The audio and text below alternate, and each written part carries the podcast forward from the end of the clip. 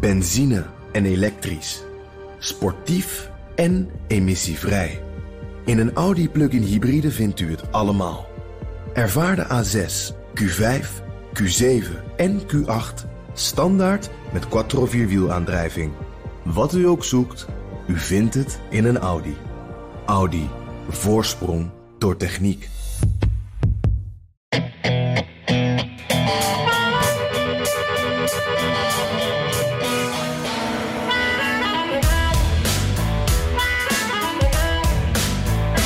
President Zelensky had een persoonlijke boodschap voor president Biden. You are the leader of the nation, of your great nation. I wish you to be the leader of the world. Being the leader of the world means to be the leader of peace. Thank you. Slava Ukraine. Ja, de leider van de wereld moet ook een leider van vrede zijn, zo zei Zelensky tegen het Amerikaanse congres. Met andere woorden, Biden, help ons. Nou, Biden kwam met meer militaire hulp, drones en nog veel meer, maar eh, hij wilde niet aan een no-fly zone beginnen. En daar had Zelensky om gevraagd. Biden is slap, zeggen sommige republikeinen. Ik wil geen wereldoorlog, zegt Biden. Dit is aflevering 120 van de Amerika-podcast. En ben je nog niet geabonneerd? Doe dat dan snel.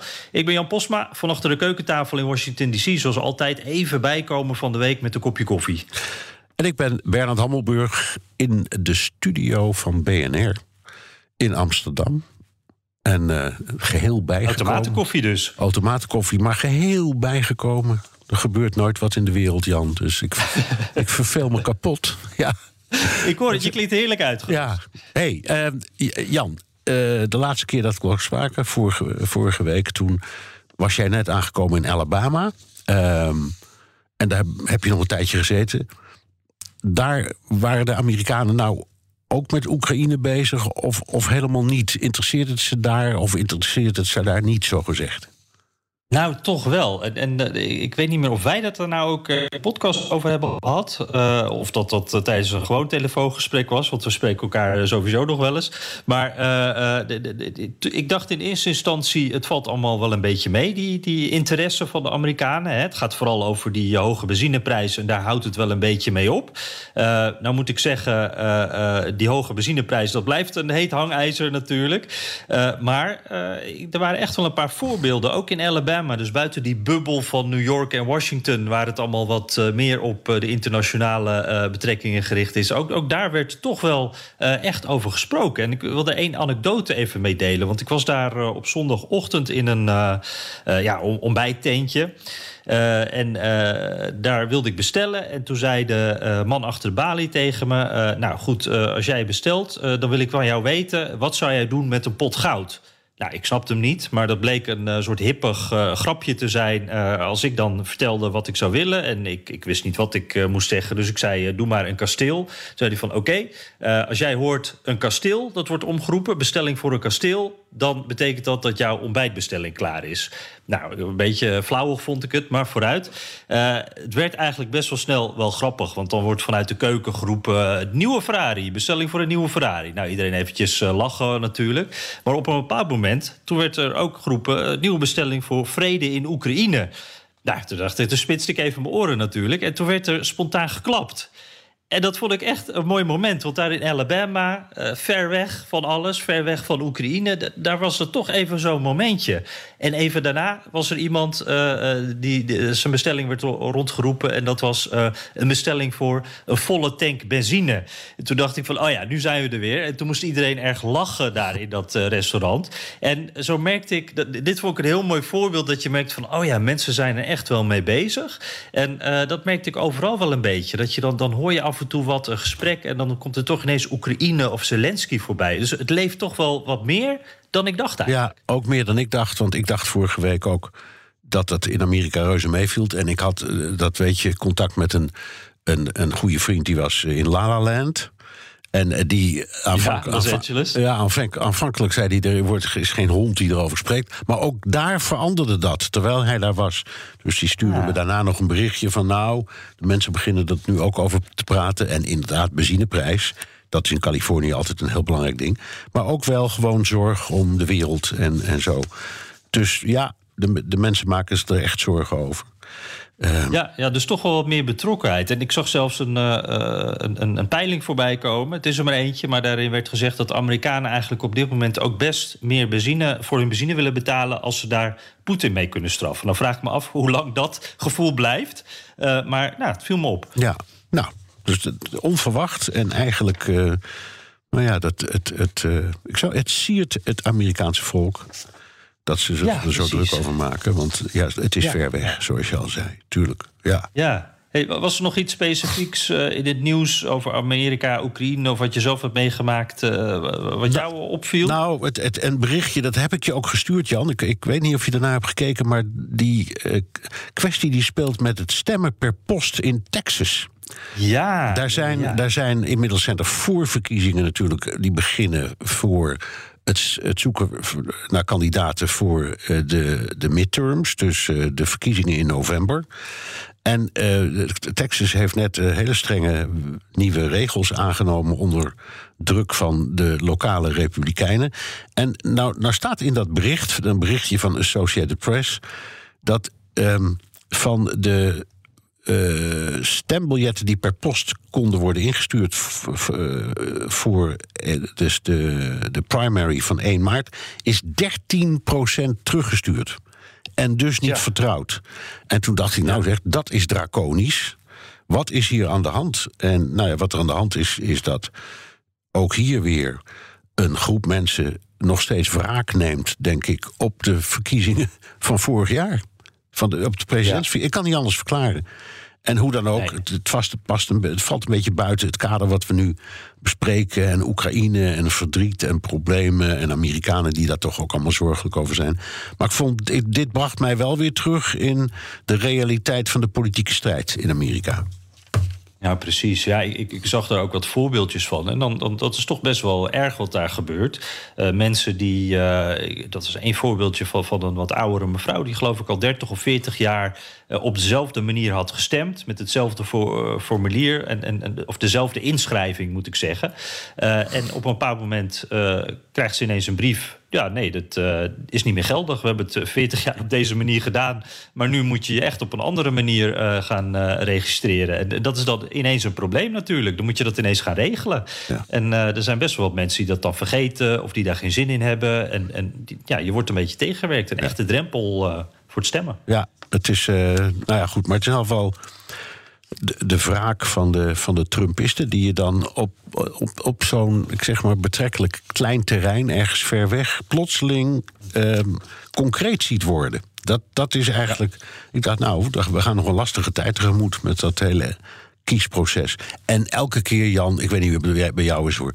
Ik denk, elke keer ze zijn ook gek eh, in Amerika dat ze niet gewoon een persoonsregistratie hebben, zoals in vrijwel elk land in de wereld. Eh, wij in Nederland hadden net verkiezingen voor de gemeenteraden. Nou, dan krijg je keurig stembiljet eh, thuisgestuurd met je eigen naam erop. En je gaat eh, naar het, het kiesbureau met een legitimatie en klaar. En daar, daar zit helemaal. Het mag ook per post hoor trouwens. Maar er zit, er zit geen enkele mogelijkheid tot wat voor gesjoemel ook tussen. En eh, dus eh, ja, het klinkt eigenlijk republikeins, hè, wat ik nu zeg. Want het is eigenlijk wat zij willen. maar toch, ik vind dat toch. Ehm, ze maken, Ja, het, ze ja. maken het veel te ingewikkeld. Ja, ja, en er zijn andere oplossingen mogelijk... eh, waarbij je niet een deel van de bevolking uitsluit... of het moeilijk maakt. Ja, Dus, precies. Dus dat, Vind ik ook. daar gaan we het nog vaak over hebben de Oh, komende ja. eh, maanden, Bernard. Nou en of.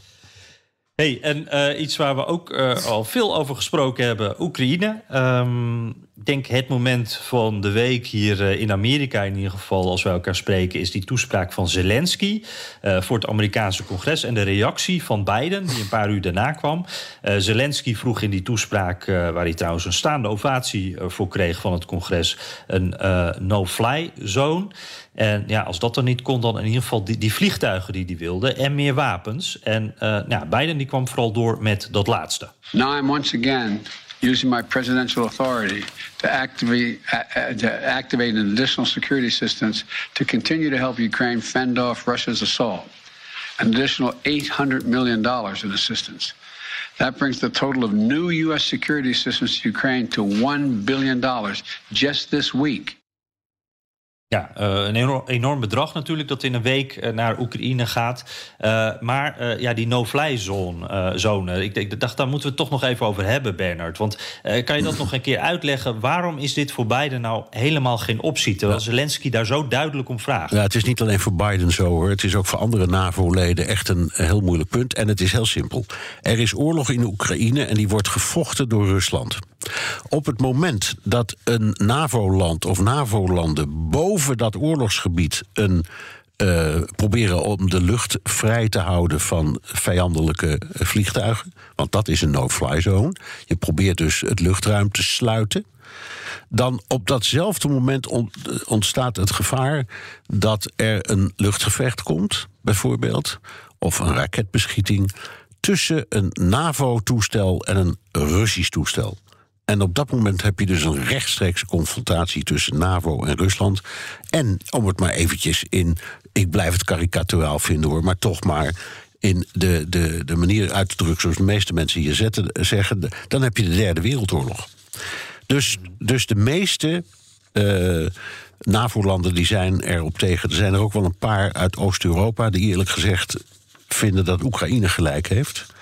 Maar de, de, de consensus, en die is er heel duidelijk. Er was ook weer een NAVO-raad, uh, bijeenkomst van uh, ministers van Buitenlandse Zaken van de NAVO. En ook die besloten: nee, we gaan, sorry, we gaan dit echt niet doen, hoe goed we het ook begrijpen.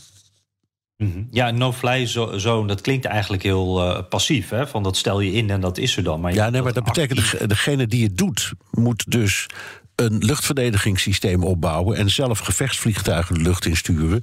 om te zorgen dat daar geen anderen meer in dat luchtruim komen. Nou, ik, ik hoor Poetin al zeggen: kom maar op.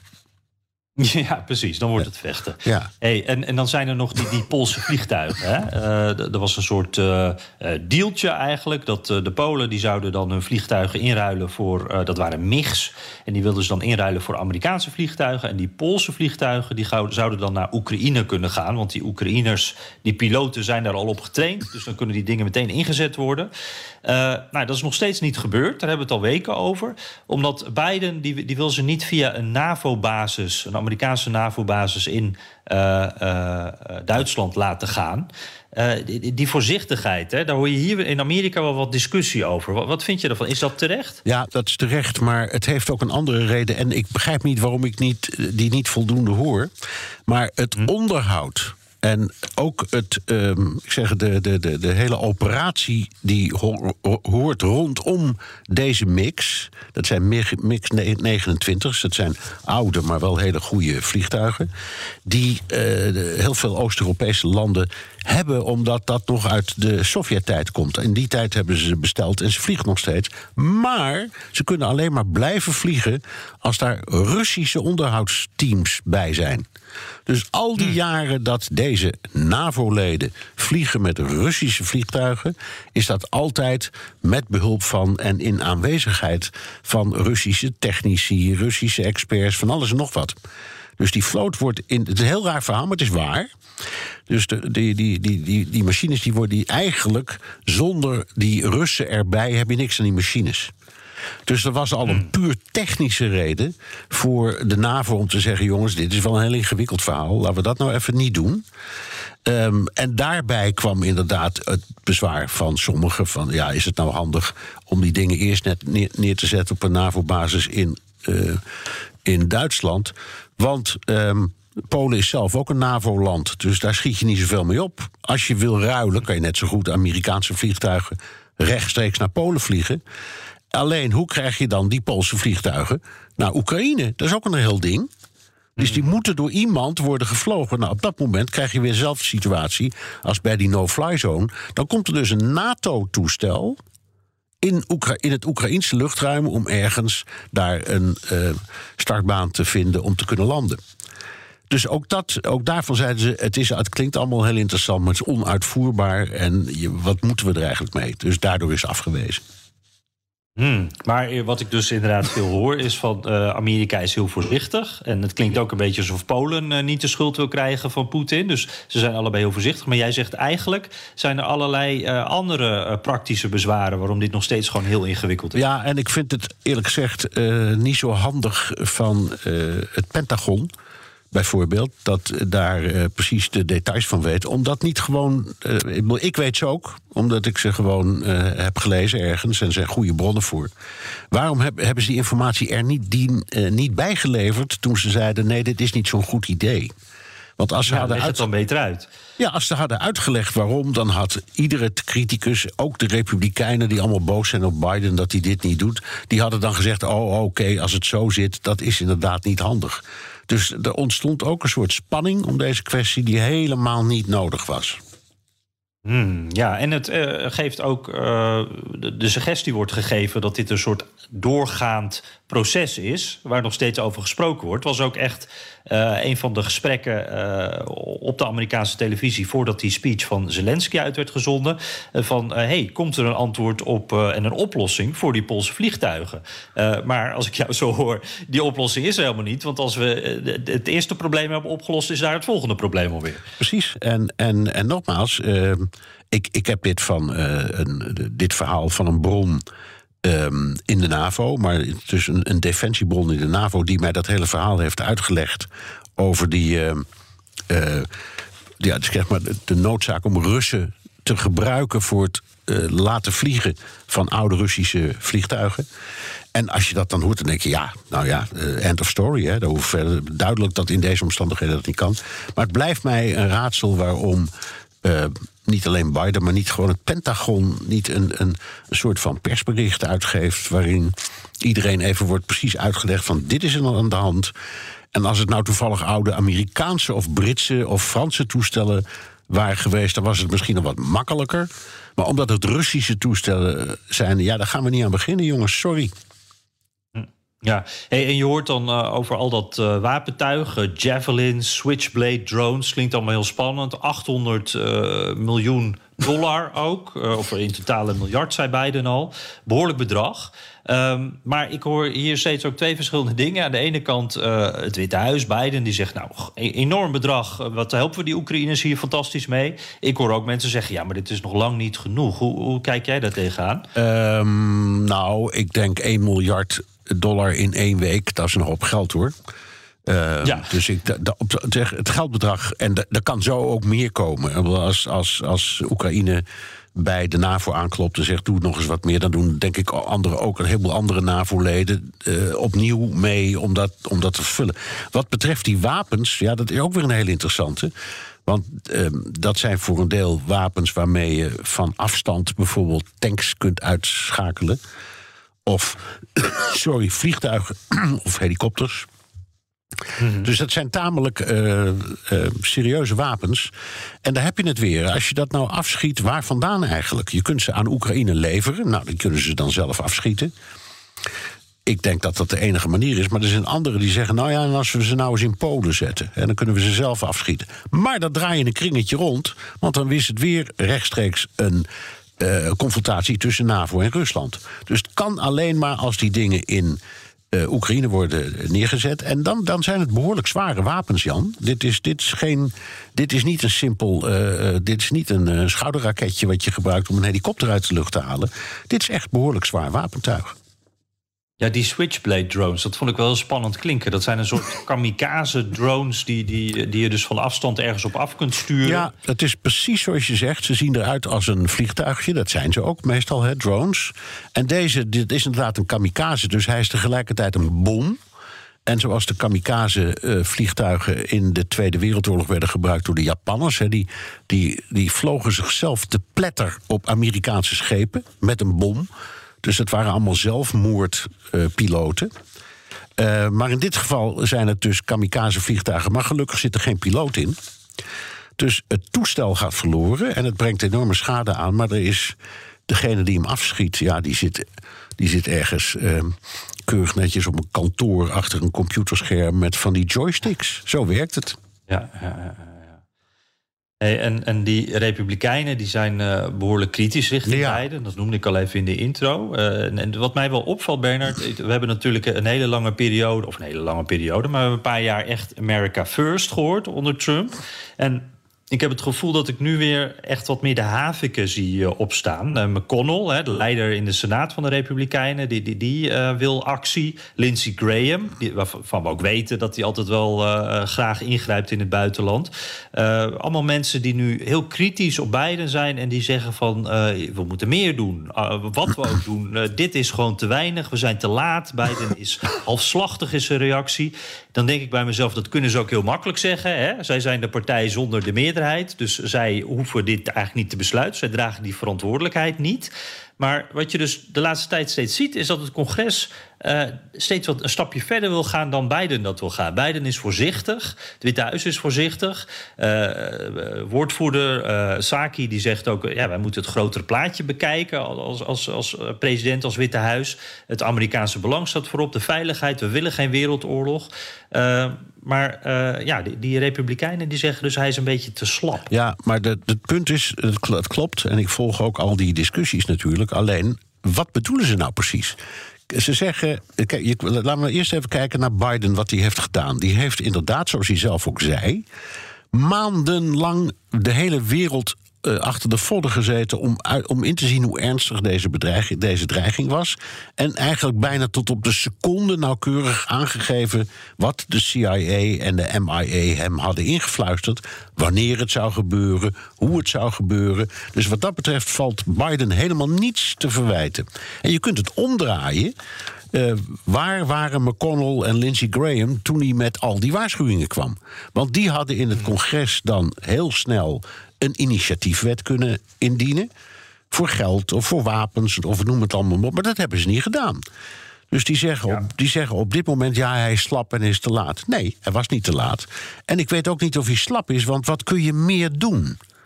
Uh, en dan kom je draai weer in een kringetje rond. Ja, een no-fly zone. Nou, we weten dat dat niet haalbaar is. Zouden volgens mij de Republikeinen ook niet willen. Dus wat ze dan wel willen is me niet duidelijk. Maar uh, ja, het is heel erg modieus, altijd in Amerika geweest. Als er grote problemen zijn, dan krijgt de zittende president daar de schuld van. Wat het ook is, het is altijd zijn schuld. Um, mm -hmm. uh, en dat is natuurlijk onzin in dit geval. In dit geval is het de schuld van Poetin. En Biden had het precies door. Um, en de wereld, inclusief het Amerikaanse congres op dat moment, heeft gewoon zitten slapen. Hm. Uh, had Biden wel eerder kunnen reageren? Misschien heeft hij te lang uh, met iedereen gepraat internationaal. hij had die informatie al veel langer. Mm, nou, nee. Um, dat was in die periode dat die troepenmacht door uh, Rusland werd klaargezet aan de grens.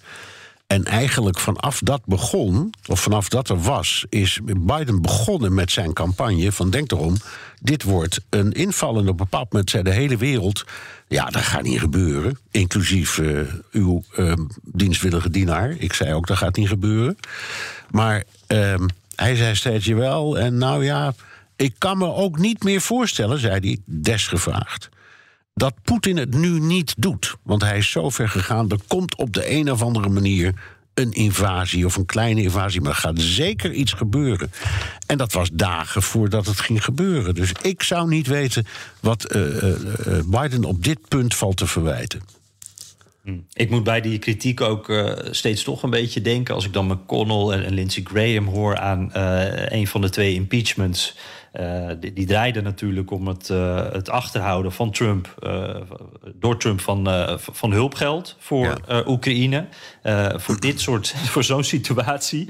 En nou ja, dat vonden ze uiteindelijk niet zo'n probleem van Trump. En nu zijn ze dus wel heel boos op beide. Dus ja, want ze vonden, ze vonden tot bij wijze van spreken eergisteren dat Oekraïne het land was waar Hunter Biden mee onder één hoedje speelde. Dat waren smerige, corrupte mensen. En nu krijg je Zelensky en dat is plotseling de held. Diezelfde Zelensky die eerst werd beschuldigd van ja, mooi weerspelen voor uh, Hunter Biden en allerlei andere vage dingen, zou ik maar zeggen. En nu is hij de, en, en nu is hij de held. Wat mij er trouwens toe brengt om even een ding te vragen: hoe waren de reacties in Washington op die toespraak van Zelensky? Ja, ik, ik, uh, wat me sowieso al opvalt, uh, dat is volgens mij in Nederland niet anders, maar die Zelensky is uh, uitgegroeid tot een held. mensen zijn echt heel erg onder de indruk van die man. Ehm, en wat mij opviel aan zijn toespraak was ook, en dat viel mensen hier ook op, hoe hij het aan had gepast aan het Amerikaanse publiek. En dat kwam echt heel goed aan. Nou doet hij dat uh, volgens mij elk land uh, waarvoor hij spreekt, uh, daar heeft hij een paar one-liners die bij dat land passen. in Amerika had hij nou, hij had het bijvoorbeeld over Pearl Harbor, hij had het over 9-11. En dan zegt hij van ja, wat toen jullie overkomen is, dat overkomt ons nu al drie weken lang. hij maakt een verwijzing naar I Have a Dream. Uh, natuurlijk ook iets wat bij Amerikanen uh, meteen uh, aankomt. En wat ik ook echt sterk vond, dat filmpje wat hij had. hij had een filmpje laten maken, dat liet hij ook zien. Het was echt een soort Zoom-meeting op dat punt. En dat was echt, nou ja, dat begon met hele mooie beelden van hoe Oekraïne eruit zag en de zon scheen. En daarna zagen we de bombardementen, indringende beelden van, burgerslachtoffers, bloed. Um, was een heel indringend uh, filmpje, wat hier natuurlijk op de Amerikaanse televisie heel vaak herhaald werd. Dus die boodschap die kwam ook uh, heel duidelijk aan. En ik dacht echt bij mezelf, ja, hij heeft het aangepast op, op het. Dit is het land van Hollywood. En, en die willen dingen zien, die willen zien wat er gebeurt. En, en dat werkte dus heel goed. En ik merkte hier dat mensen echt. Ja, Zelensky kreeg een, staande ovatie in het congres. En dat mensen hier echt heel erg onder de indruk waren van die man die daar in zijn legerpakje zat. Op zo'n gevaarlijke plek het congres toespreekt en op zo'n goede manier uitlegt wat die Oekraïners voelen. Ja, helemaal mee eens. En hij past het inderdaad aan per land. Soms lukt het minder goed. Hij heeft uh, uh, vandaag, we, ne we, nemen dit op op donderdag, hè? donderdag einde van de middag. Maar vandaag, meen ik, um, ook zo'n toespraak gehouden voor de Duitse Bondsdag. Um, en dat viel wel weer wat minder. Uh, goed. Dus, oh. dus de, ik bedoel niet dat hij niet populair is, maar dat, die klik werkte wat minder. Omdat hij. Ja. Bij de, nou ja, dus hij, maar het is inderdaad aangepast. Het is tailor-made per land. En iedereen, waar je ook staat in dit conflict, die zegt: als het alleen maar gaat om PR. Dan heeft Zelensky deze oorlog al ruim en, uh, en comfortabel gewonnen. Ja. Want hij doet het echt briljant. Ja, dat merk je hier ook wel. Dat merk je op sociale media, ja. uh, waar de Russen natuurlijk ook grotendeels van, van zijn afgesloten. Uh, maar dat merk je ook uh, op de Amerikaanse televisie en de berichten die gedeeld worden. En ik moet ook wel zeggen, het was wel een bijzonder moment. En dat, dat vonden Amerikanen ook wel. Want ja, we hebben niet zo vaak dat Democraten en Republikeinen in één zaal samen zitten en het eigenlijk over iets eens zijn. En, en achter dezelfde persoon staan. En dat hadden we heel even eventjes uh, tijdens de State of the Union uh, speech van Biden. Hè, toen hebben we het er ook over gehad. Dat toen eventjes uh, de twee partijen bij elkaar kwamen. En dit was weer zo'n moment dat er gewoon geklapt werd. Ja. Dat iedereen hetzelfde vond. Ja, hey, even nog een, iets opvallends. Donald J. Trump, die toch altijd een behoorlijke bewonderaar is en was van Vladimir Poetin, die, die heeft zijn mening bijgesteld. Hmm. Ja, ik, eh, dat vond ik echt wel opvallend, Bernard. Het was een interview met de Washington Examiner. Dat is een, eh, een, een vrij conservatieve krant uh, hier in Washington. En um, Daarin zegt uh, Trump dat hij uh, heel verbaasd is dat uh, Poetin ook echt Oekraïne heeft binnengevallen. Trump die dacht dat Poetin vooral dreigde die militairen daar neer te zetten om vooral zijn onderhandelingspositie te verbeteren. dat was ook het moment dat, dat, Trump toen zei hè, dat het briljant en slim was hoe Poetin het aanpakte. daar werden toen nogal wat mensen boos van. En ja, daar komt hij nu eigenlijk wat van terug. maar dat betekent natuurlijk niet dat Trump het verkeerd heeft gezien. Want hij zegt daarna ook nog Trump, uh, die Poetin, die is veranderd. En dat is triest voor de wereld. Hij is echt veranderd. Uh, dit is volgens mij ook Trumps manier om een beetje te buigen naar de realiteit. Hij ziet ook wel om zich heen uh, dat die uitspraken uh, van uh, Poetin, hoe briljant hij wel niet was. En het is een goede vriend van me dat dat niet zo goed valt. En niet meer zo goed past bij de realiteit. En hij buigt zo een beetje mee. Ja, dat is ook zo. En het is ook zo. Even ter verdediging van Trump, zal ik maar zeggen. Je kon je, totdat dit allemaal gebeurde, nog wel iets voorstellen. We waren het er niet mee eens, maar je kon je wel iets voorstellen van de bewondering die Trump had voor Poetin. Dat, dat, is, dat was een feit. Maar inderdaad, we zien Poetin nu ook in in zijn optreden, maar ook in de toespraken en de teksten die hij gebruikt. Met zo'n ongelooflijk venijn en zoveel agressie en zoveel totale onbuigzaamheid. Dat ook Donald Trump zal denken: ik moet hier even eieren voor mijn geld kiezen. Dit is niet een man waar ik meer mee geassocieerd wil worden. Het is ook niet meer de man zoals ik hem ken. Ik denk dat dat ook wel een beetje speelt hoor. Dus. eh, het is niet alleen maar politieke handigheid. Ik denk dat ook Donald Trump is geschrokken van wat hier allemaal gebeurt. Kan bijna niet anders. Jij zegt dan die, die bewondering eh, die je ook wel, wel een beetje snapt, eh, die, die Trump had, dat is dan die bewondering voor een sterke leider. Ja, en hij dacht, eh, als ik mijn zin wilde krijgen... en als ik een ander land bijvoorbeeld niet in de NAVO zou willen hebben...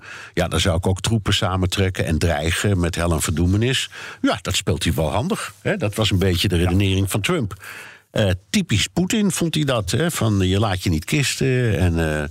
en je probeert te intimideren. Maar dat het op deze manier zou gebeuren, ook Trump wist dat niet. Dat geloof ik niet. Nee, precies. Hé, hey, Jan. ehm, zullen we naar de luisteraars vragen? Want eh, volgens mij heb je wel een hoop. Ja.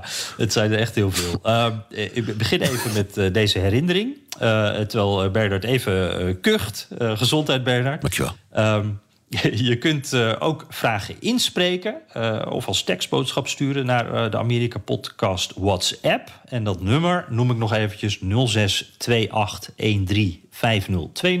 0628135020. Een paar opmerkingen bij. Maak het alsjeblieft niet te lang. Eh 45 seconden is al heel mooi. Dan kunnen we hem zo laten horen. En zorg dat je adres erbij zit. Want dan maak je kans op die Vrije Amerika podcast mok. Dus eh, die kan je dan eh, eh, toegestuurd krijgen. doen we één keer per maand. Ehm, we zijn al heftig aan het overleggen wie dat deze maand gaat worden. Best spannend. En nog eventjes een andere mededeling. De vroege downloaders van de vorige aflevering... die hadden het al gemerkt. Wij zijn af en toe ook net mensen... Vorige week waren de twee fragmenten verwisseld... Dus eh, dank voor alle waarschuwingen. Eh, het klopte inderdaad, dat was eh, niet de bedoeling. Gelukkig zijn we eh, geholpen door de technische afdelingen. Die hebben het even heel snel weer rechtgezet. Dus als je hem opnieuw downloadde daarna... dan kwam hij wel goed in je podcast-app tevoorschijn. Ja. Tevoorschijn kan gebeuren. Ja, even één dingetje, Jan. Want ik zit gedeeltelijk aan de knoppen. En Jury, die zit, de technicus, die zit aan nog veel meer knoppen op dit moment. Dus wij kunnen al een beetje zien wat jij hebt eh, verzameld. En ik zie dat, dat heel veel van die boodschapjes inderdaad veel langer zijn dan de 45 seconden waar jij eh, terecht op aandringt. Maar ik stel voor dat we dat voor deze keer allemaal door de vingers zien. Vind je niet? Ja, precies. En laten we meteen even met de eerste beginnen, toch? Ja, komt-ie. Dag Jan en Bernard. Ik eh, wilde deze voice memo gebruiken om jullie de groetjes te doen en jullie te bedanken. Want eh, ik eh, luister al ongeveer sinds het begin trouw naar de Amerika-podcast. Maar ik was zelf eigenlijk nog nooit in de VS geweest. Dat was eigenlijk puur uit interesse. En ik ben deze week voor het eerst voor werk in DC. En ehm, ik moet zeggen dat het echt fantastisch is. Eh, ik eh, liep net na werk langs eh, de Potomac en ik ben nu bij Haynes Point. En ik dacht, wat een goed moment om jullie even een berichtje te sturen en jullie te bedanken voor al het grondwerk dat jullie hebben gedaan. Want dankzij jullie ben ik niet totaal onwetend dit stukje van het land ingekomen. Ehm, ik had nog een vraag. Eh, ik hoorde gisteren van een collega dat eh, Joe Manchin misschien in zou kunnen gaan op een, laten we zeggen, afgezwakte, verwaterde versie van ehm, het Build Back Better plan. Ehm, en ik vroeg me af of jullie denken dat dat eh, goed zou kunnen zijn voor de kansen van de Democraten bij de midterm elections. Goed, omdat het eh, in ieder geval symbolisch door zou gaan. Of eh, dat het niet heel erg veel uitmaakt, eh, omdat uiteindelijk zo'n verwaterd plan gewoon heel erg ver is van het originele plan. Dank jullie wel. Ehm, ga ze door. En de groetjes, Megan. Ja, wat leuk. Hey, hey, Bernard, ik hoor daar, Haynes Point is zo'n mooie plek, ken je ook, hè, bij het Ja, water. Zo'n punt. Ja. Eh, het loopt in een punt daar en de vliegtuigen kwamen over. En ik hoorde volgens mij ook eh, de kinderen die daar vaak op schoolreisje zijn... of eh, honkbalwedstrijden spelen. Ja. Dat hoorde ik op de achtergrond. Echt leuk. En het is bij jou om de hoek, bij wijze van spreken. Ja, ik vind Ja. ze wel eens. Dus ja, mooi plekje. En dit was. ehm, hoe, hoe heet ze? Megan was dit. Megan, juist. Goed. En ja, de, de vraag daarbij is dan... oh ja, vraag. Ehm, wat was hij ook weer? Ehm, ja. oh ja, of Joe Manchin. Joe dat, is die, dat is een van die twee senatoren die zich verzet tegen de voorliggende begroting van Biden. dat Build Back Better plan, of die Hmm. eh, eh, bepaalde concessies zou willen doen of een compromisvoorstel had, waardoor dat alsnog gered wordt. Ik lees Ja, het ook, ik lees het ook. Ja. En eh, mij, ik heb een hele simpele. bedoel, Als het lukt, dan moet je ook die mevrouw Sinema nog mee zien te krijgen. Maar gesteld dat het lukt. Ja. Ja, beter een afgekalfde begroting dan helemaal geen begroting. Of, of zie ik dat verkeerd?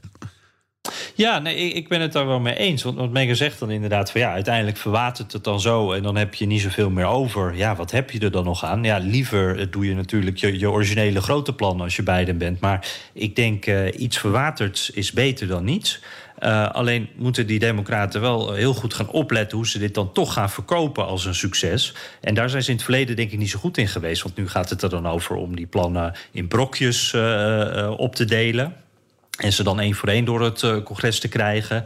Eh, nou, het zal allemaal wat minder eh, ambitieus zijn. Eh, nou, toch, eh, als er iets is, verkoop het dan in ieder geval ook als, als een verbetering. En, en ik ben benieuwd hoe eh, Ja. Democraten dat gaan doen. Ja, oké. Nou. Hey, eh, door naar de mail dan. Eh, Daan Visser, eh, die al sinds de eerste aflevering luistert. Dus dat is een, luistert, dat is een veteraan. Eh, en hij zegt, jullie hadden het de laatste aflevering over eh, president, oud-president Martin van Buren. Niet een heel belangrijke president als je terugkijkt. Maar we mogen hem één ding wel toeschrijven. Eh, zijn herverkiezingscampagne heeft een hele belangrijke rol gespeeld... in het populariseren van de term OK. En dat heeft hij van een YouTube-kanaal van Fox met de VOX. En ik heb het filmpje even gekeken. En er zaten allemaal dingen in die ik echt helemaal niet wist, Bernard. Waar de term OK vandaan komt. Dat was vroeger dan stond dat voor all correct. En dat was dan wat anders geschreven in een soort dialectachtig, eh, of misschien wel wat oudere vorm van Engels. En eh, eh, die van Buren, daar hadden we het over, die kwam uit eh, Kinderhook, hè, New York. En eh, die gebruikt het in zijn campagne als eh, oké is old Kinderhook. En, zo is het dan weer verder populair Ja. eh, geworden. Ja, Fantastisch ik- filmpje. Fantastisch filmpje. En ik kende trouwens eh, ook het verhaal. Heel veel mensen zeggen dat ze gewoon verder, dat ze het niet echt weten hoor, waar het vandaan komt. Maar dit is de meest gehoorde verklaring voor eh, de term oké. Grappig. Ik had er nog nooit eh, zelfs ook maar over nagedacht. Dat, ik dacht dat het zo wel uit het leger komen. Je dacht, het zal wel oké zijn. Ja, precies. Dank Dan eh, uit het mooie Hilversum eh, voor deze tip. Eh zullen we weer een audiootje doen? Komt-ie. Dag heren. Zojuist weer eh, met veel plezier naar de aflevering 119 eh, van jullie podcast eh, geluisterd. En ik ben altijd erg onder de indruk van jullie genuanceerde kijk op de, ah, de Amerikaanse politiek en ook de, de gebeurtenissen in de wereld. Ik heb eigenlijk twee vragen. Eén, ik ben zelf werkzaam als energielabelinspecteur. En ik vroeg me af of in Amerika ook de gemiddelde Amerikaan zich eh, al een beetje bezighoudt met eh, verduurzaming. En dat eh, bijvoorbeeld het aanschaffen van een warmtepomp of zonnepanelen. Omdat ik ook in een podcast van Joe Rogan had begrepen dat bijvoorbeeld in de staat Texas ze voor 40% eh, eh, afhankelijk zijn van, van hernieuwbare energie, zoals windenergie en, eh, en solar. Dus eh, ja, daar was ik wel even naar benieuwd of de gemiddelde Amerikaan er al een beetje mee, eh, mee aan, de slag, aan de slag is. En de andere vraag is eigenlijk ehm, dat je toch wel een beetje het beeld krijgt van Amerika dat, dat alles altijd om hun draait. Dus ja, ze doen altijd een beetje voorkomen alsof of Amerika altijd alles moet oplossen. En ik ben benieuwd eh, ja, hoe jullie daar tegenaan kijken. Zeker omdat jullie ook daar natuurlijk wonen. Eh, zelf heb ik een tijdje in, in Canada gewoond. En ik moet altijd wel. eh, we moesten eigenlijk altijd wel lachen. eh, als ik dan de grens overging bij eh, Detroit. Dan. je merkte het verschil altijd al bij. Nou ja, de eerste McDonald's waar je binnenliep, zeg maar. Eh, hoe je door het, eh, het personeel eh, aangesproken werd. Dus ik ben heel benieuwd hoe jullie dat ervaren. En nou ja, ik zou vooral zeggen, ga zo door met deze podcast. Het is echt super interessant. En ja, ik kijk uit naar de volgende. Bedankt en groetjes van William. Zo. Ja, Die, die was, net wat, was net ietsje langer dan 46 seconden. Maar wel een leuk verhaal, toch? leuk verhaal. Ja. Ja, zeker. ja, even heel snel. Ik weet het niet precies, die verduurzaming. Het speelt in Amerika natuurlijk ook. Californië voorop. als je rijdt van eh, Los Angeles naar Palm Springs, dat is geloof ik eh, Highway 10. En je komt ongeveer in het midden daarvan, dan zie je daar het grootste. ehm, hoe heet dat? eh, windmolenpark ter wereld. En dat staat daar misschien al wel 30 jaar. Dus ze waren al heel vroeg en ze zijn er heel goed in, lang, lang mee bezig. En in sommige staten is het minder, maar het is niet zo dat het ehm, geen aandacht heeft. Alleen het is wat minder, hoe moet ik het zeggen? Het, heeft wat minder, eh, het is wat minder eh, dweperig dan in heel veel Europese landen. Ja, en, en zo'n staat als Texas vind ik grappig, want hij noemt dat terecht. Eh, Daar zijn ze ook eh, daar echt eh, behoorlijk mee bezig. Maar dat is ook niet iets waar enorm over opgeschept wordt. Het is ook gewoon, we gaan hier geld mee verdienen. En Zo wij hebben hier ruimte, Ja. dus we zetten die dingen hier neer. Dus eh, Texas, je denkt altijd, altijd aan olie, maar ook windenergie en zonne-energie. Tuurlijk, als er geld aan verdiend kan worden, ze doen ze het zeker. Hey, en heel even snel dat, ik zou maar zeggen, Amerikanen als egocentrisch volk, ja. Ik weet nooit precies hoe ik dat moet zeggen, maar volgens mij. Ik heb al- altijd het gevoel, Bernard, ze komen ook niet zoveel in het buitenland. Ik, eh, dus ze kijken ook gewoon, ze vinden zichzelf het belangrijkste Ja. in de wereld. Het Ja. grootste land, het belangrijkste, het mooiste. Ja, dat is ook zo. En nou hebben alle grote landen en volkeren dat een beetje. Hè? Dat vinden de Fransen ook van zichzelf. En, Ja. de, en de Britten ook, en de Duitsers ook, en de Italianen ook, Spanjaarden ook. Dat zit een beetje. En kijk naar de Russen, wat dacht je daarvan? Dus dat hebben ze. Dat, dat is het ken. En wij zijn natuurlijk maar een heel klein land en een klein volk. Dus wij, wij kijken anders. En we kijken ook veel naar meer naar buiten. En we zijn ook geïnteresseerd in de buitenwereld. Maar zelfs hier, hè, dit is toch ook een gaaf land, Jan. Laten we toch eerlijk wezen. Hè? Wie zegt dat ook Oh, weer? ja, oh, ja. nou, Oké, Er is een premier die dat vindt. zo is dat. Ja. Ja. Hey, nou ja, goed. Ja, we, we moeten daar later maar eens wat langer over praten. Er zitten allemaal nuances in, maar eh, eh, nou, dit is even voor u het antwoord. Hey, eh, Marco Pauw die stuurt een mailtje. Ook vanaf lu- luisteraar vanaf aflevering 1 en eigenaar van een passagiersschip... die fietsvaarvakanties organiseert in Nederland, België en Frankrijk. Zegt, eh, ja, na twee jaar stil liggen gaan we hopelijk in april weer, va- weer varen. Eh, en ze organiseren ook veel voor Amerikaanse gasten. En nu is hij heel benieuwd. Eh, hij wil even wat eh, zakelijk advies. Eh, gaan die Amerikaanse gasten nou inderdaad weer naar Europa komen om vakantie te vieren? Wat denken jullie daarover? Ehm, ik, Consultant Hammelburg. ja, nou ja, ik, zoals wij ook allemaal weer met vakantie willen... waarom zouden Amerikanen anders zijn? Dus die willen wel Ja. weer. hoor. Ik denk dat ze wel weer komen. Het gaat even duren. Want een heleboel mensen willen, zijn nog niet helemaal los van de schrik. Of ze zijn nog niet voldoende gevaccineerd of zo. Maar ja, bijvoorbeeld voor het vliegen naar Nederland wordt vanaf 23 maart vervalt ook die, eh, die testverplichting. Dus er- je, je kan zo opstappen. Dus het, het, wordt, het wordt wel een stuk makkelijker gemaakt. Waar je even voor moet uitkijken, is de andere kant uit. Eh, dus naar Amerika toe. Is een beetje lastig, maar ik zou tegen Marco zeggen: nog even doorbijten en dan komen ze wel weer hoor. Toch? Ja, ik heb dat gevoel ook wel. Want het was eigenlijk al veel eerder. eh, de- de- toen, wij, eh, toen het nog zo was dat wij als Europeanen vastzaten en niet Amerika in konden. Toen waren die Amerikanen al eh, allemaal naar Italië en naar, naar, naar Frankrijk en zo aan het vliegen. Dus ik heb het idee dat ze er niet zoveel problemen mee hebben. En dat die vanzelf weer komen. Maar ik ben heel benieuwd hoe het loopt. Dus, eh, eh, want eh, ja, wij hebben het natuurlijk ook. wij weten het ook niet precies wat die Amerikanen allemaal gaan doen. Dus Marco, als je ergens deze zomer een beetje weet hoe het gaat, laat het ons wel even weten hoeveel Amerikanen er langs zijn gekomen. Oké. Eh, hey, laten we eens luisteren naar Danielle. Ja, goedemiddag Bernard en Jan. Danielle Pijnenburg-Klein hier ehm, vanuit Miami, Florida. Brickell, Miami, Florida. ehm, waar ik nu ehm, al drie jaar woon, bijna vier jaar. Mijn vraag voor jullie is... Ik krijg heel vaak de vraag van mijn neighbors hier... That know, that, die weten dat ik Nederlands ben. Wat, ik, wat ik denk dat Europa gaat doen. Um, you know, um, met what's going on between Russia en Ukraine. En ik heb altijd het, het antwoord, ik weet het niet. Ik heb geen idee, ik weet het niet. En ehm, wat heel vaak wordt gezegd tegen mij... is dat zij vinden dat hoe zij er tegenaan kijken... dat het echt één grote bende is. Maar ook dat zij niet begrijpen dat Europa niet meer actie neemt. Niet meer actie onderneemt. Ehm, omdat het toch, weet je, it's close to home. En ik weet nooit zo goed wat ik erop moet zeggen. Other than ehm, dat ik het gevoel heb dat ehm, Europa gewoon ja, they don't really have the balls to do anything more than that they're doing right now.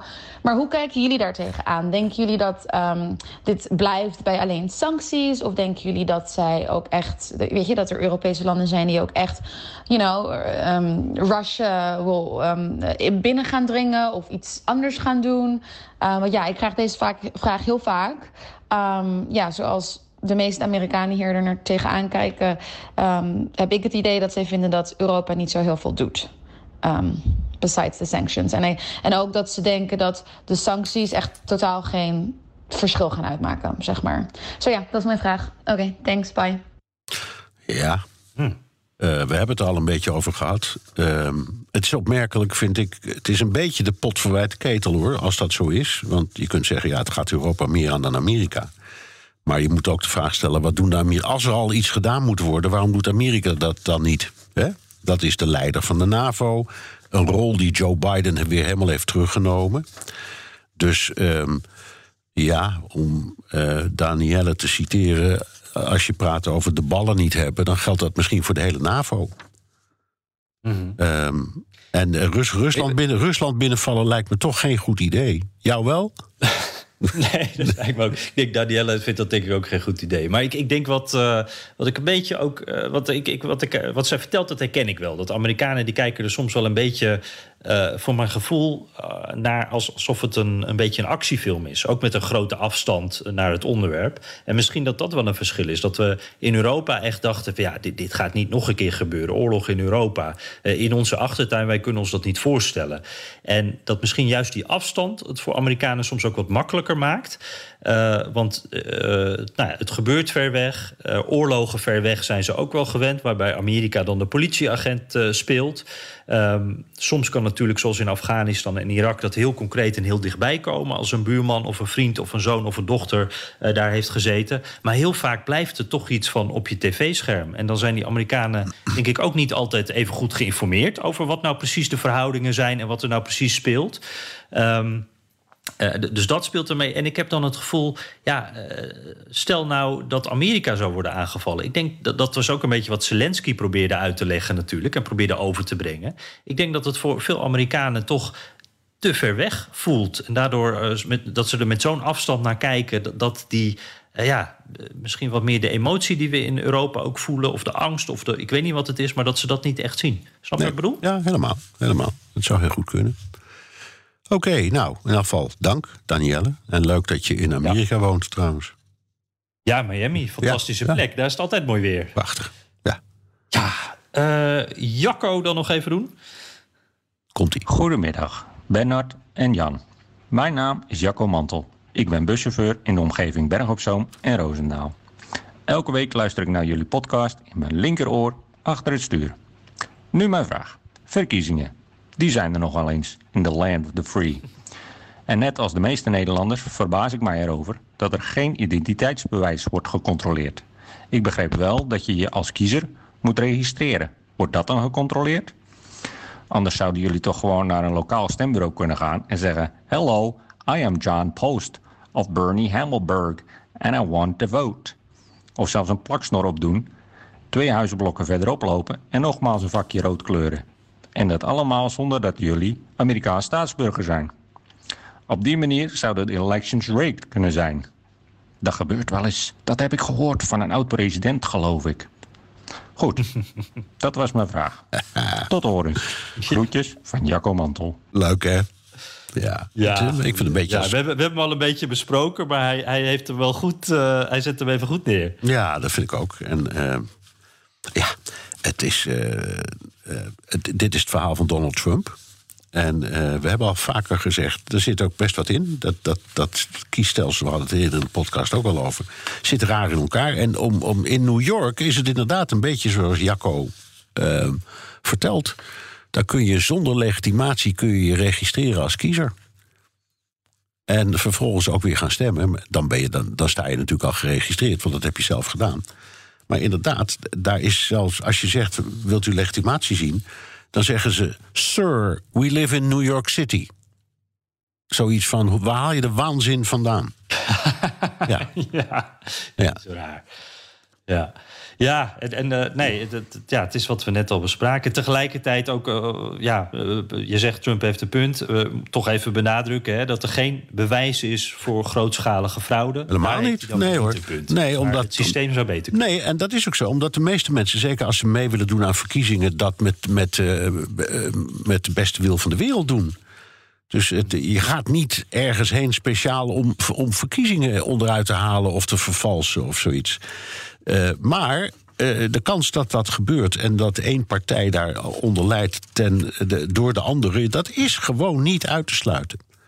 En er zijn ook door de loop van de eeuwen heen voldoende bewijzen dat het met enige regelmaat gebeurt. Alleen het is zo weinig dat het de verkiezingsuitslag niet of nauwelijks zou kunnen beïnvloeden. En zeker in de afgelopen verkiezingen niet. Want ja, een verschil van bijna 8 miljoen stemmen, zelfs als daar een behoorlijk percentage niet helemaal klopt, is nog ruim voldoende. Dus ik, wat dat betreft vind ik ook wel dat er veel over wordt gezeurd. Laat dat dan ook maar even gezegd zijn. Hey, uh, zullen we er nog eentje doen om het af te sluiten? Want we hadden volgens mij nog een uh, berichtje van uh, Harry. Komt-ie. Hallo Jan en Bernard. Wat leuk dat jullie mijn vraag vorige week behandelden in de podcast. Helemaal eens met jullie mening over het zuiden hier in Alabama. Mooie natuur en aardige mensen. De meeste in ieder geval. Dit weekend kwam ik nog door Montgomery en had ik mooi met Jan een mok Amerikaanse koffie kunnen drinken. Misschien de volgende keer. Ik ben drie maanden in de VS omdat ik bezig ben mijn verblijfsvergunning aan te vragen. Een langdurig en administratief proces. Gelukkig heb ik een flexibele werkgever en kan ik deze periode vanuit hier werken omdat ik nu de VS van wat dichtbij meemaak, zie ik de verschillen met thuis ook wat duidelijker. En twee dingen springen er voor mij duidelijk uit. Als eerste de geweldige grootte van het land, met grote verschillen in landschap en cultuur. De vraag hoe is Amerika kan ik dan ook nooit beantwoorden. Een beetje vergelijkbaar met hoe is Europa. Het tweede wat mij opvalt is het verkeer. Hele slechte wegen, vrachtwagens die net zo snel mogen als het overige verkeer en dat dus ook doen. Je mag hier onnodig links rijden en verkeer van rechts heeft geen voorrang. Wie het eerste komt, die het eerste maalt. Maar wat vinden jullie de frappantste verschillen tussen de VS en Nederland? Ik ben benieuwd. Succes met de podcast. Groeten, Harry van der Geest. Jan, hmm. jij mag eerst. nou, ik, ik, had Harry zomaar tegen kunnen komen afgelopen ja. Dat was toch mooi geweest. Ik heb daar op een bepaald moment uh, zat, uh, heb ik daar ergens koffie gehaald. En toen stond er een uh, auto naast me met een, ja, niet een Nederlands nummerbord, maar het dingetje eromheen was Nederlands. Er stond iets op van Netherlands of Dutch. En op de voorkant had hij een Nederlandse vlag die overging op een Amerikaanse vlag. Dus, Ach, misschien was het hem. ja, ja. Harry, als jij dit was, dan zijn we heel dicht bij elkaar geweest. Hey, en ja, ik, ik, ik, ik vind het wel weer herkenbaar wat, wat hij zegt. Want ja, het is zo moeilijk samen te vatten. Er valt zoveel over te vertellen. Um, maar één ding wat hij ook zei, die grotere verschillen. Dat is denk ik wel iets waar ik altijd weer op terugkom. Dat Amerika, Amerika dat is echt het land van de extreme. En dat is uh, cliché, ik weet het. Maar uiteindelijk is bijna alles wat je tegenwoordig over Amerika nog zegt... is wel een cliché. Maar echt, uh, je hebt hier alles en het is altijd extremer. Je hebt hier betere ziekenhuizen, je hebt hier slechtere ziekenhuizen. Je hebt hier armere mensen, je hebt hier veel rijkere mensen. Je hebt eigenlijk alles wat je in Europa ook hebt, maar alles is extremer. Het verschil is groter. En dat, uh, dat, dat, dat, kom ik eigenlijk altijd weer tegen, uh, bijna overal waar ik ben. En het verkeer, dat deel ik ook. Um, als hij het heeft over autorijden. Uh, ik heb soms het gevoel dat Amerikanen autorijden zien als iets wat je ernaast doet. Dus je bent op je telefoon bezig, je bent iets aan het eten. Soms ben je een boek aan het lezen. Iets anders aan het doen. In ieder geval niet op de weg aan het letten. Dus dat is iets wat ik ook elke keer weer tegenkom. Ja, dat ik ook. Um, maar aan de andere kant, ik vind het algemeen wel dat ze zich beleefd gedragen in het verkeer. Ik heb uh, zelf hele prettige ervaring. Ik rij altijd met plezier in Amerika, terwijl ik helemaal niet van autorijden houd. Maar dat, ik vind het daar best meevallen. Maar even, laat ik een ander verschil nemen, want dat vind ik eigenlijk. Als je, het is wat filosofischer, maar toch.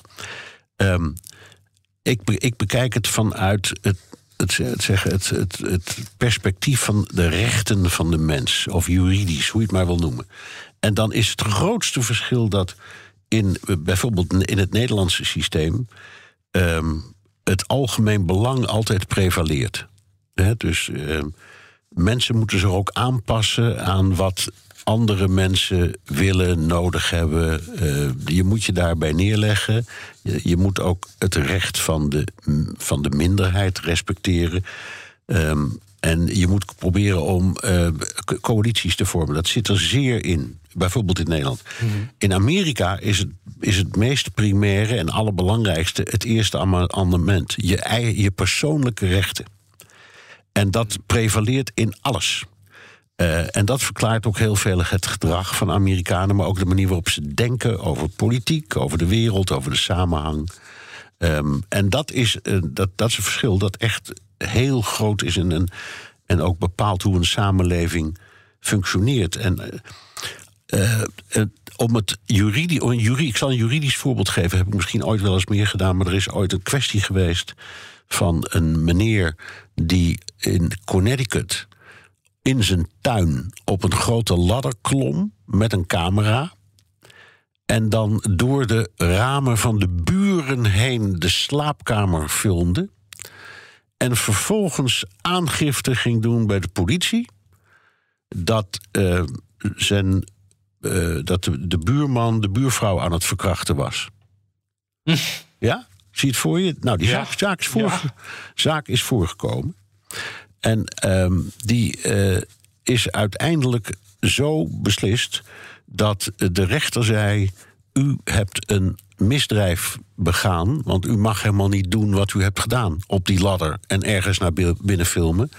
En al had die meneer zijn vrouw vermoord, dan had ik dit nog niet geaccepteerd als bewijs. Dat is typisch Amerikaans denken. Een Nederlandse rechter zou zeggen: Meneer, u hebt weliswaar iets gedaan dat niet mag. Maar u hebt een misdrijf weten te voorkomen of te weten te ontstoppen. Dus dit materiaal is toegestaan in de rechtbank en u wordt verder niet vervolgd.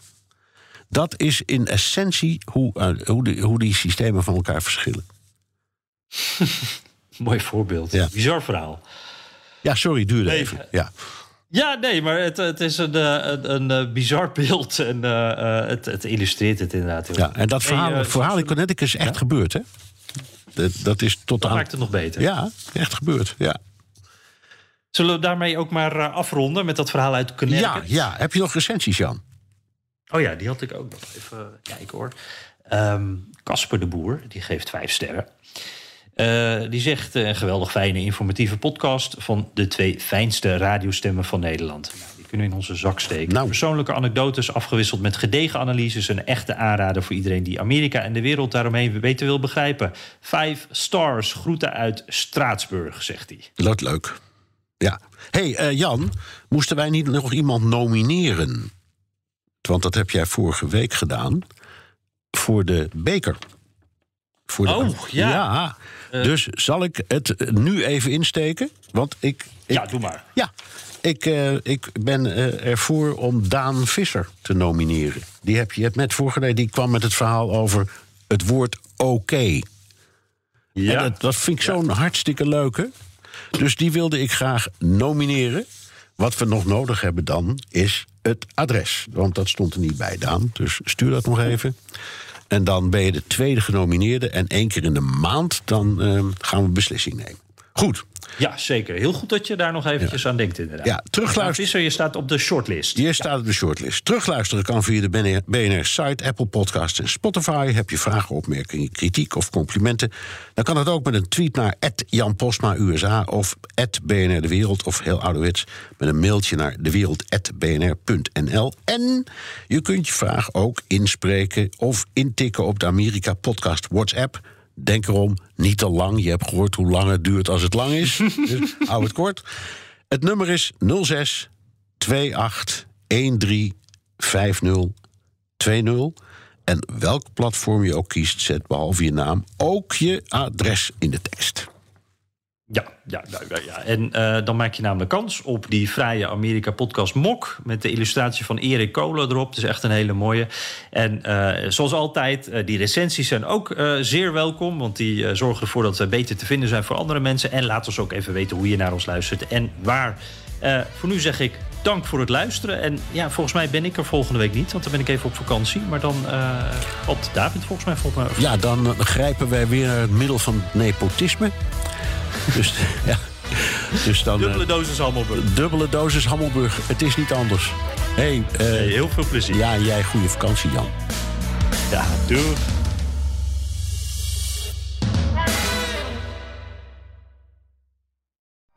Benzine en elektrisch. Sportief en emissievrij. In een Audi plug-in hybride vindt u het allemaal. Ervaar de A6, Q5, Q7 en Q8 standaard met quattro vierwielaandrijving. Wat u ook zoekt, u vindt het in een Audi. Audi. Voorsprong door techniek.